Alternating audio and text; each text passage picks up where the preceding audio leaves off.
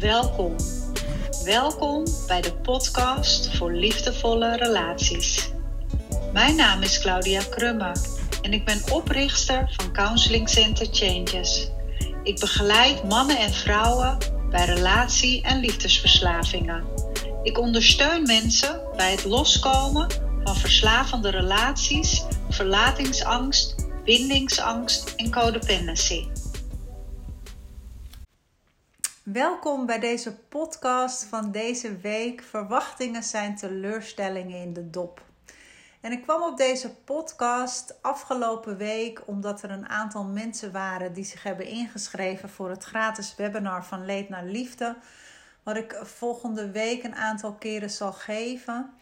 Uh, waarin ze delen waar ze tegenaan lopen, wat hun verlangens zijn. En een grote gemene deler in die aanmeldformulieren is dat heel veel van de pijn, het verdriet en teleurstellingen die ik daar lees, dat die voortkomen uit verwachtingen. Dus een goede reden om daar uh, een keer een podcast over te maken. Want wat zijn verwachtingen nou precies? en om dieper op dit onderwerp in te kunnen gaan, uh, denk ik dat het belangrijk is dat we samen even die definitie van een verwachting uh, bepalen. Een verwachting is een veronderstelling dat zich in de toekomst iets bepaald zal voordoen. Hetgeen waarvan op grond van de feiten of omstandigheden wordt vermoed dat het zal gaan gebeuren. Hetgeen waarop men rekent. Nou, voor de meeste mensen, uh, of van de meeste mensen in ons leven, hebben we dan ook verwachtingen. of het nu gaat om liefdespartners, om onze kinderen, om onze ouders, werkgevers, collega's of vrienden. We hebben allemaal verwachtingen van elkaar. We weten precies wat we van hen verlangen en hoe zij daar wel of niet aan zouden moeten voldoen. We hebben dus de neiging om de persoon niet helemaal zichzelf te laten zijn in de werkelijkheid zoals die is, maar onze verwachtingen onze verlangens te projecteren op deze persoon en op deze manier eigenlijk een soort perfect persoon te creëren. Ja? Maar helaas is dat niet mogelijk om een persoon precies te laten zijn zoals jij het wilt. Dus verwachtingen zijn in die zin altijd een trigger voor teleurstellingen. Omdat ze dus meestal gewoon simpelweg niet matchen met de realiteit of de werkelijkheid. Um, verwachtingen hebben ook die eigenschap in zich, hè, anders zou het geen verwachting zijn, om niet uit te komen. dus verwachtingen zijn teleurstelling in de dop en geven ons ja, een naar gevoel. ze geven ons um, heel vaak een teleurstellend gevoel, een verdrietig gevoel. Um, ja, wat, wat, wat, wat niemand natuurlijk fijn vindt. En verwachtingen geven ons ook vaak het recht om boos te zijn. Hè? Want wanneer we ons verdrietig of teleurgesteld voelen en als het niet gaat zoals we gehoopt hadden, dan worden we boos. Hè? En dan uh, worden we misschien zelfs ook reactief. En we worden dus eigenlijk boos omdat er een controlepatroon actief is want controle, wat is dat? Controle betekent dat we van de ander verwachten hoe die zich moet gedragen, hoe die zich moet voelen en ehm, wat voor gedachten die heeft. en dat is een mechanisme wat heel veel voorkomt bij mensen die lijden aan codependency. En is ook actief op het moment wanneer we dus onze best doen om die relatie te creëren zoals wij die wensen. Of wanneer we ons best doen om iemand van ons te laten houden. En um, ja, er is ook nog een andere manier dan boos worden. En dat is dat we de gevoelens omtrent die teleurstellingen die voortgekomen zijn uit onze verwachtingen, dat we die voor onszelf houden. En dat we de ander laten raden wat er met ons aan de hand is. We zeggen niets, maar je kunt aan de energie en aan de hele vibe die er heerst, kun je voelen dat er iets aan de hand is. Ook wel passieve agressie genoemd. Het is een uh, begrip wat ik ooit geleerd heb toen ik in Zuid-Afrika was, omdat mijn ex daar in de kliniek zat. En dat een van de counselors mij daarop wees dat hoe hij zich gedroeg ten opzichte van mij in de sessie, dat dat passief-agressief was. En hij deed dat al jaren, alleen ik had nooit uh, geweten dat daar een bepaalde uh, benaming voor was. Hè? En toen ik dat begreep, kon ik ook zien hè, dat dat een vorm van controle was. Nou, op het moment dat we dat dus inzetten, um, dan lijken de verwachtingen wel een soort van een geheim. Hè? Want je spreekt jezelf niet helder en eerlijk uit. En in sommige gevallen, wat je ook vaak ziet, is dat ze ook geheim zijn voor de persoon in kwestie of voor onszelf. dat we ons dus niet bewust zijn welke verwachting er eigenlijk onder zit en waarom we nu precies boos zijn. we merken vaak pas achteraf dat we verwachtingen hadden op het moment dat ze niet uitkomen. Ineens voelen we dan een vervelend gevoel in onze buik of ergens anders in ons lichaam. En in plaats van dan naar binnen te keren en te onderzoeken wat er gebeurt in onze binnenwereld, door bijvoorbeeld jezelf de vraag te stellen van waarin word ik nu geraakt? Welke verwachtingen liggen hier mogelijk aan de grondslag? Of welk innerlijk kind wordt er in mij geraakt? Hè? Mensen die mij al wat langer volgen of misschien zelfs klant bij mij zijn, die weten dat ik heel veel werk met het innerlijk kind. Ehm, maar in plaats daarvan geven we de schuld van onze pijn dus meteen, meestal aan de, aan de boosdoener, hè? in dit geval de ander, die het waagde om niet aan onze verwachtingen te voldoen. En dat is best gek, toch? Uh, en dat kan echt anders. Hè? En dat zou een heleboel pijn, teleurstelling en verdriet besparen. Want verwachtingen staan op deze manier staan ons in de weg om de situatie, hè, de situatie die plaatsvindt, maar ook de realiteit of de werkelijkheid, hè, datgene wat er echt speelt, om dat precies te accepteren zoals het is. En dat betekent dus niet dat je geen behoeften, wensen of verlangens mag hebben. Jawel, zeker wel. Alleen op het moment dat het een verwachting wordt, of het nou bewust is of onbewust, dan verhindert ons dat om in het nu te zijn. Dan verhindert ons dat om afgestemd te zijn op de realiteit. En alleen in het nu kun je eigenlijk tevreden en gelukkig zijn. En alleen in het nu kan ook ons volwassen deel uh, aan het roer staan. En dat is wat ik mensen altijd vertel, hè, wat het doel is van de therapie die ik geef. En die wij ook hè, met, met het hele team geven. Dat is nooit om mensen uit elkaar te krijgen. Dat is nooit om een relatie te verbreken. Maar dat is altijd om jou te leren dat er een, een volwassen deel in jou aan het roer komt te staan. Dat die bepaalt hoe je het leven leeft. In plaats van dat je een strategie uh, of een verwachting, dat je die aan het roer laat staan. En zodra we bezig zijn met het verleden of met de toekomst, en dus niet in het nu aanwezig zijn, staat er een overlevingsstrategie of een innerlijk kind aan het roer. Dus op het moment dat je reageert vanuit een trigger, vanuit een oude kindpijn, ehm, dan is dat meestal omdat je dat ergens eerder in je leven eerder gevoeld hebt.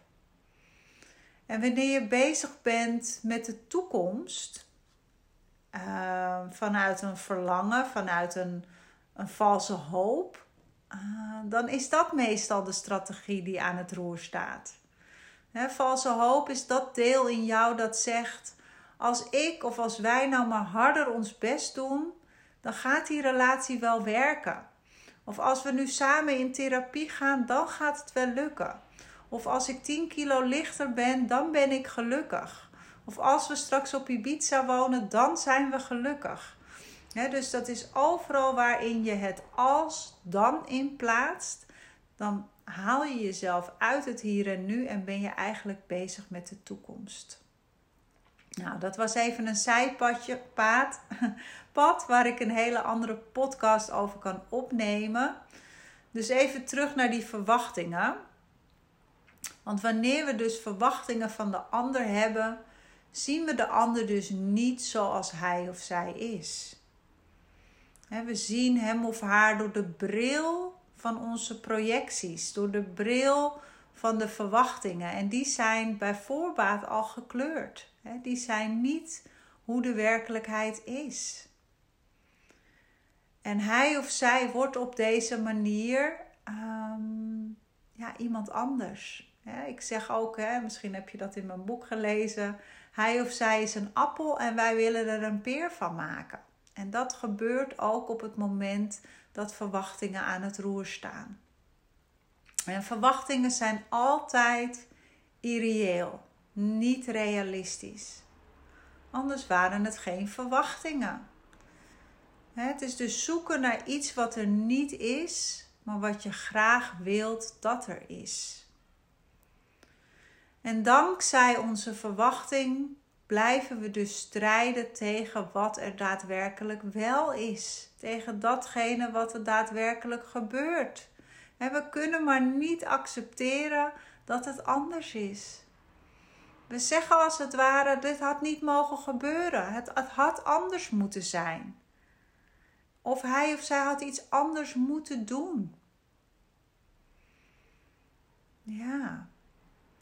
Dus niet altijd heel fijn. En ja, wat ik net al zei, hè, of ik weet niet of ik het eigenlijk al gezegd heb.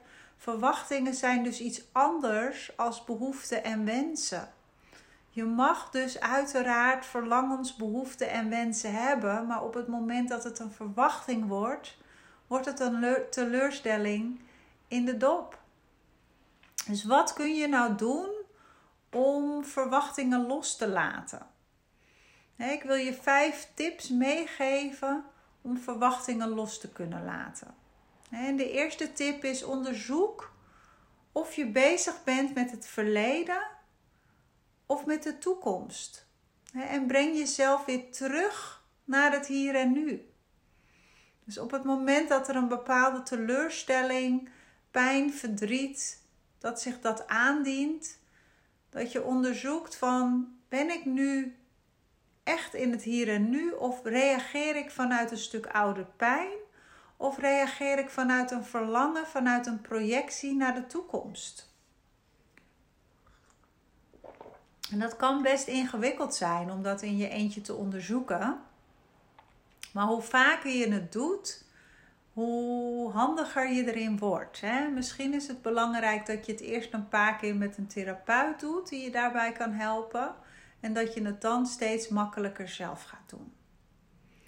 De tweede tip is: accepteer dat je geen controle hebt over elkaar.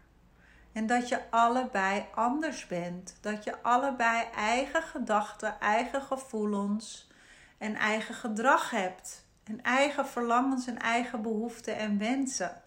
En het is een codependent symptoom, een codependent eigenschap, om van elkaar te verwachten dat je hetzelfde denkt, voelt en je gedraagt.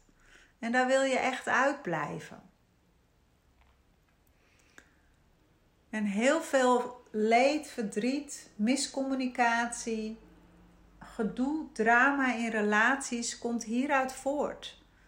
dat je niet kan accepteren dat je allebei andere gedachten en gevoelens hebt. dus agree to disagree, dat is hetgene waar je eigenlijk naartoe wilt. En als derde, stel een vraag of doe een verzoek aan de ander. In plaats van te vertellen of te eisen hoe je iets wilt, doe een verzoek. En spreek je verlangen uit. En vraag de ander of die bereid is om jouw verlangen te vervullen. En dan krijg je een hele andere dynamiek dan wanneer je een eis stelt. dus mijn vierde tip is: maak onderscheid tussen die verwachtingen, behoeften en die wensen en die verlangens. En het kan heel goed zijn dat het in essentie dus dezelfde behoefte is, of hetzelfde verlangen of dezelfde wens die onder de verwachting plaatsvindt. Alleen omdat de uitkomst nog niet vast ligt, omdat er geen vorm van controle bij komt, ehm, is het een op zichzelf staand verlangen. En heeft het een hele andere uitkomst als wanneer het een verwachting wordt. Dus verwachtingen komen voort uit verlangens, behoeften en wensen. In de hoop dat het goed gaat samen, maar ze zijn niet hetzelfde. Dus als vijfde tip, spreek je verlangens, spreek je behoeften en wensen op een concrete manier uit. En die hoort eigenlijk al een beetje bij ehm, tip 3. Stel een vraag of doe een verzoek. Maar hier maak je hem nog wat concreter. Nou, ik hoop dat je hier iets aan hebt. En uh, ik wens je een hele fijne Pasen. En tot een volgend moment. Doeg! Super bedankt voor het luisteren naar deze aflevering. Heb je iets gehad aan deze podcast? En denk je dat het ook waardevol voor een ander kan zijn? Deel het dan gerust op social media of aan iemand persoonlijk, op WhatsApp of op Messenger. Op deze manier draag ook jij een steentje bij aan mijn missie. Het is mijn missie om zoveel mogelijk mensen te ondersteunen bij het helen van trauma en oude wonden, zodat iedereen een gezonde relatie met zichzelf kan ontwikkelen en van daaruit ook met anderen. En heb je nou het gevoel dat je meer nodig hebt dan alleen luisteren naar mijn podcast? Neem dan een kijkje op een van mijn websites en onderzoek welke vorm van ondersteuning het beste bij jou past. En kom je er alleen niet uit? Stuur ons dan een mail, dan kijken we graag met je mee. Voor nu wens ik je een liefdevolle dag toe en tot volgende week.